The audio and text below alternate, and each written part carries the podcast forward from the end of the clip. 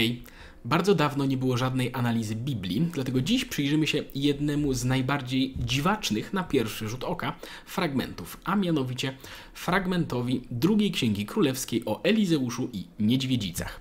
Stamtąd Elizeusz poszedł do Betel. Kiedy zaś postępował drogą, mali chłopcy wybiegli z miasta i naśmiewali się z niego wzgardliwie, mówiąc do niego: Przyjdź na łysku, przyjdź na łysku.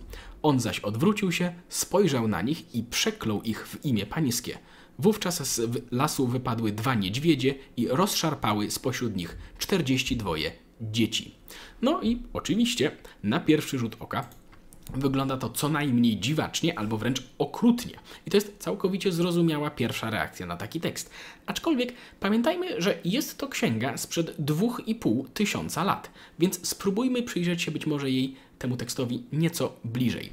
Zanim jednak to zrobimy, odniesiemy się do pewnego zarzutu, gdyż nauczony doświadczeniem wiem, że w tym momencie bardzo często pojawia się argumentacja, że oto na siłę próbujemy, będziemy teraz próbować wyjaśniać i doszukiwać się ukrytych znaczeń w tekstach religijnych, które tak naprawdę są po prostu bez sensu albo są głupie i złe. Ale zastanówmy się, czy czytając dowolny inny tekst sprzed dwóch i pół tysiąca lat, napisany w innym języku, przez inną kulturę, przykład tekst starogrecki czy hinduski, czy wtedy zasadnym byłoby uznać, że nie ma potrzeby wgłębiać się w szczegóły kontekstu, tłumaczenia, tylko można uznać, że pierwsze wrażenie, jakie my odnieśliśmy w XXI wieku, na pewno jest poprawne i nie trzeba tego więcej drążyć? Czy może jednak warto się przyjrzeć temu głębiej?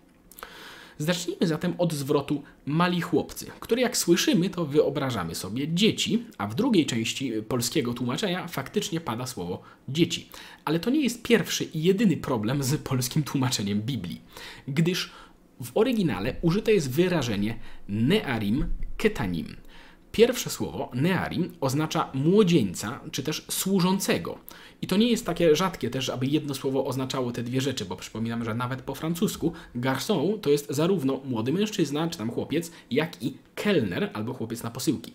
Co więcej, z innych wystąpień tego słowa w Starym Testamencie wiemy, że w praktyce oznacza ono właśnie młodego mężczyznę od kilkunastu do trzydziestu lat.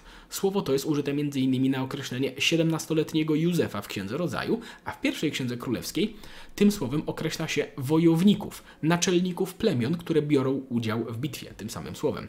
Drugie słowo, ketanim, pomimo iż przetłumaczone tutaj jest jako mały, jako przedrostek, wcale nie musi oznaczać się do, odnosić się do dzieci. W księdze Samuela na przykład tym słowem określa się Dawida w relacji do jego braci, z których był najmniejszy, tak w sensie najmłodszy, w wieku, gdy walczył z Goliatem, szacując, że miał wtedy niecałe 20 lat. Podobnie słowo jeladim, które pada na końcu tego fragmentu, które można przetłumaczyć jako młodzież i również jako dzieci, ale w sensie czyjś potomkowie, a niekoniecznie mali ludzie. A także było ono używane również jako przenośnia do określania Izraelitów, którzy odeszli od wiary w Boga, co będzie istotne później. Kolejno, kontekst, jak ujmuje to biblista profesor John Walton, komunikacja uwarunkowana kulturowo jeśli do Was powiem, że coś się wydarzyło na Wawelu, no to od razu w Waszej głowie rozumiecie, że mówię o ważnym, symbolicznym miejscu, siedzibie królów polskich, tak? Miejscu pochówku zasłużonych Polaków, przynajmniej ważnych. A jeśli ktoś nie zna kontekstu kulturowego, no to najlepsze, co po, tym, po tych słowach sobie pomyśli, to że no, że to jest jakiś zamek, tak? I ponownie tutaj Elizeusz przechodzi obok Betel, z poprzedniej księgi, z pierwszej księgi królewskiej, wiemy, że w Betel król Jeroboam rozkręcił kult złotego cielca jako kontrę do wiary w Jachwę głoszonej przez proroków i postawił tam jego ołtarz i posąg właśnie złotego cielca. Jest to miasto wrogie kultowi Jachwę i jego przedstawicielom, takim jak prorok Elizeusz. Tu też można wspomnieć, że chłopcy, w tym właśnie w kontekście, y, też spokojnie może występować tutaj właśnie jako odniesienie do ludzi służących przy ołtarzu, tak? reprezentantów obcego kultu. Kolejno, sama obelga z, nazwa, z nawiązaniem do łysienia to też jest coś, y, co nam dzisiaj się kojarzy jakoś zupełnie inaczej, tak nie wiem, z nieuprzejmością, tak, że ktoś wytknął komuś łysinę, to jest niemiły, tak? Ale w Starym Testamencie aluzje do łysienia były synonimem skrajnej pogardy. Na Bliskim Wschodzie taki naturalny brak włosów należał raczej do rzadkości i było to zjawisko tak niespotykane, że automatycznie wiązało się z podejrzeniami o trąd. A przypominam, że trendowaci, bycie trendowatym wtedy oznaczało całkowite wykluczenie społeczne. W księdze Izajasza na przykład wręcz prorok grozi ludziom, że jeżeli nie pozbędą się swojej pychy, to Bóg sprawi, że wyłysieją. To znaczy było to coś dla tych ludzi ekstremalnie poważnego. Czyli ci młodzi ludzie nie są dla Elizeusza nieuprzejmi, tylko wyzywają go w sposób, który my dzisiaj współczesnym językiem pewnie byśmy nazwali ekstremalnie pogardliwym i sposobem wulgarnym. Przypominam też ważną rzecz, że wszystko to dzieje się w realiach mentalności plemiennej, idei oko za oko i całkowitej normalizacji rozwiązywania sporów i konfliktów między grupami poprzez przemoc, również tę śmiercionośną. A zatem w, w świetle tego wszystkiego wyobraźmy sobie tę scenę jeszcze raz.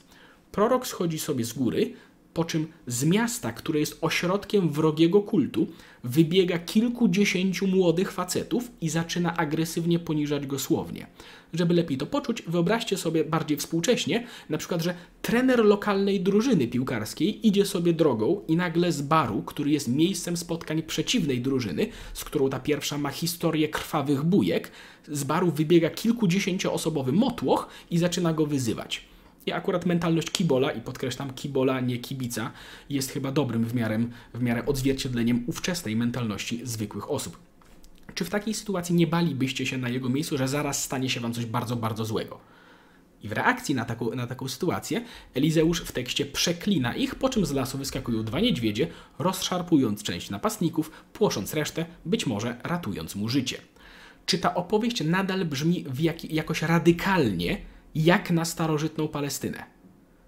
Oczywiście w tym momencie słyszę już odgłosy stukania w klawiaturę, że to nie ma znaczenia, jakie są realia kulturowe i jaki jest kontekst, bo to i tak by znaczyło, że ten nasz dobry Bóg zabił ludzi, a na pewno mógł wymyślić coś lepszego w tamtej konkretnej sytuacji. Ale zarzut ten wychodzi z założenia, że to, co przeczytaliśmy, jest, jest to historiograficzny reportaż z wydarzeń, co jest naiwnym założeniem, bo 2,5 tysiąca lat temu w ogóle nie pisało się historiograficznych reportaży z wydarzeń, tak jak je dzisiaj rozumiemy. To znaczy kroniki, relacje, księgi historyczne itd. Tak opisywały wydarzenia pod takim kątem, żeby przekazać jakieś wartości pouczyć, wychwalić jakąś postać, etc., etc., włączając w to zabiegi takie, jak nieraz dość swobodna adaptacja faktycznych wydarzeń.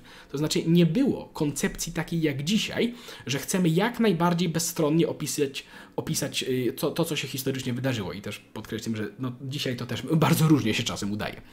Dodatkowo druga księga królewska została zredagowana do obecnej wersji 600 lat po śmierci Elizeusza. Także to kategorycznie nie jest tak, że ktoś to zobaczył i zapisał. I dla jasności, po pierwsze, to co teraz powiedziałem, dotyczy tej księgi, a nie całej Biblii. I kolejna rzecz, ta księga opisuje też, to jest ważne, wiele wydarzeń faktycznie historycznych, które mają na przykład potwierdzenie archeologiczne. Dlatego ja absolutnie nie mówię, że to się nie zdarzyło czy coś takiego, tylko zauważam, że głównym celem tego tekstu opisującego jakieś wydarzenie nie jest obiektywne zdanie relacji z wydarzenia, tylko pouczenie czytelnika o tym, co się dzieje z ludźmi, którzy obrażają osobę postrzeganą jako świętą, której obraza wtedy była równoznaczna w tamtej kulturze z obrazą Boga. I warto też dodać, że ludzie wtedy często traktowali proroków jako niebezpiecznych, jako ludzi, którzy wystarczy, że się rozgniewają, to potrafią sprowadzać nieszczęścia. I gdy tylko, dlatego też, gdy tylko coś złego się działo wokół proroka, to ludzie bardzo często przypisywali mu odpowiedzialność za to. W pierwszej księdze królewskiej ponownie, gdy umiera syn kobiety, u której zatrzymał się Eliasz, ta pierwsze co robi, to zakłada, że to jest jego wina i że to jest jakaś kara za coś. Miejmy to na uwadze, kiedy czytamy takie teksty. I to wszystko, co tutaj mówimy, zwłaszcza to, co mówiliśmy na początku, że to absolutnie na pewno nie były dzieci, to nie jest żadne wyszukane, specjalistyczne tłumaczenie, czy coś takiego. Uwagę na to zwraca nawet angielska Wikipedia. Kolejno, to nie jest nic nowego. To znaczy, na przykład nawet na niektórych średniowiecznych ujęciach tej sceny bardzo wyraźnie widać, że to są młodzi mężczyźni. I zwracam na to wszystko uwagę. Y, bo to pokazuje, że wyjaśnienie tego tekstu jest popularne w internecie i powszechnie dostępne. A tymczasem jego karykaturalna i nieprawdziwa interpretacja jest do znudzenia przytaczana na jakichś forach czy w dyskusjach przez ludzi, którzy mam czasem wrażenie, że bardzo chcą krytykować coś, ale nie mają ochoty zrozumieć tego, co chcą krytykować. No i to tyle. Na koniec jeszcze wielkie podziękowania dla kanału Polski Inkwizytor, y, który podesłał całkiem sporo źródeł do tego tematu i u którego też w ogóle znajdziecie sporo analiz biblijnych. A jeśli ktoś chciałby przy analizowaniu starożytnych tekstów opierać się nie tylko na memach, tylko na przykład właśnie na książkach w tym temacie, no to tradycyjnie przypominamy, że sponsorem dzisiejszego odcinka jest serwis Letyshops. Jest to taki serwis typu cashback, co polega na tym, że oni polecają użytkownikom sklepy, z którymi współpracują i klient przechodzi z ich serwisu na ten sklep, w którym dokonuje zakupu, a za każdy zakup przez właśnie ich stronę sklep płaci im prowizję, którą oni później dzielą się z użytkownikiem w postaci cashbacku. Czyli bezpośrednio czegoś, co można bezpośrednio wypłacić na konto albo na PayPal, nie żadnych kuponów ani niczego takiego. I znaleźć tutaj można nie tylko księgarnię, ale na przykład także Allegro, które jest w ogóle bardzo dobrym miejscem do szukania literatury i nie, dlatego, nie tylko dlatego, że jest na nim ogrom księgarni antykwariatów, ale też dlatego, że można tutaj znaleźć dużo pozycji po angielsku. Na Allegro jest ogólnie teraz powiększony ten cashback siedmiokrotnie i wynosi ponad 10%, czyli jak kupimy na przykład książkę za 180 zł, to 18 z groszami do nas wróci. Ale jest tu też ogólnie ogrom naprawdę innych sklepów z zupełnie innych branż, takich jak nie wiem, Euro, RTV, AGD czy Modivo. I jest też opcja oczywiście na zainstalowanie sobie wtyczki, która w niektórych sklepach pomaga śledzić ceny, jak się zmieniały były, ponieważ niektórzy sprzedawcy, jak pewnie wiecie, przed wyprzedażą podbijają ceny, a potem sztucznie robią promocje, a ta wtyczka pozwala śledzić, jak one się zmieniały przez ostatnie 30 dni, żeby się nie dać na to naciąć. Logowanie to dosłownie kilka kliknięć. No i jeżeli się ktoś do tego będzie zabierał, to przypominam, że pod filmem są linki do rejestracji. No i to tyle. Do usłyszenia. Jeśli chcesz być informowany o kolejnych odcinkach, to kliknij dzwoneczek powiadomienia, żeby żadnego nie przegapić. A jeśli chciałbyś pomóc w tworzeniu takich filmów, to zapraszam do wsparcia nas na Patronajcie. Do usłyszenia.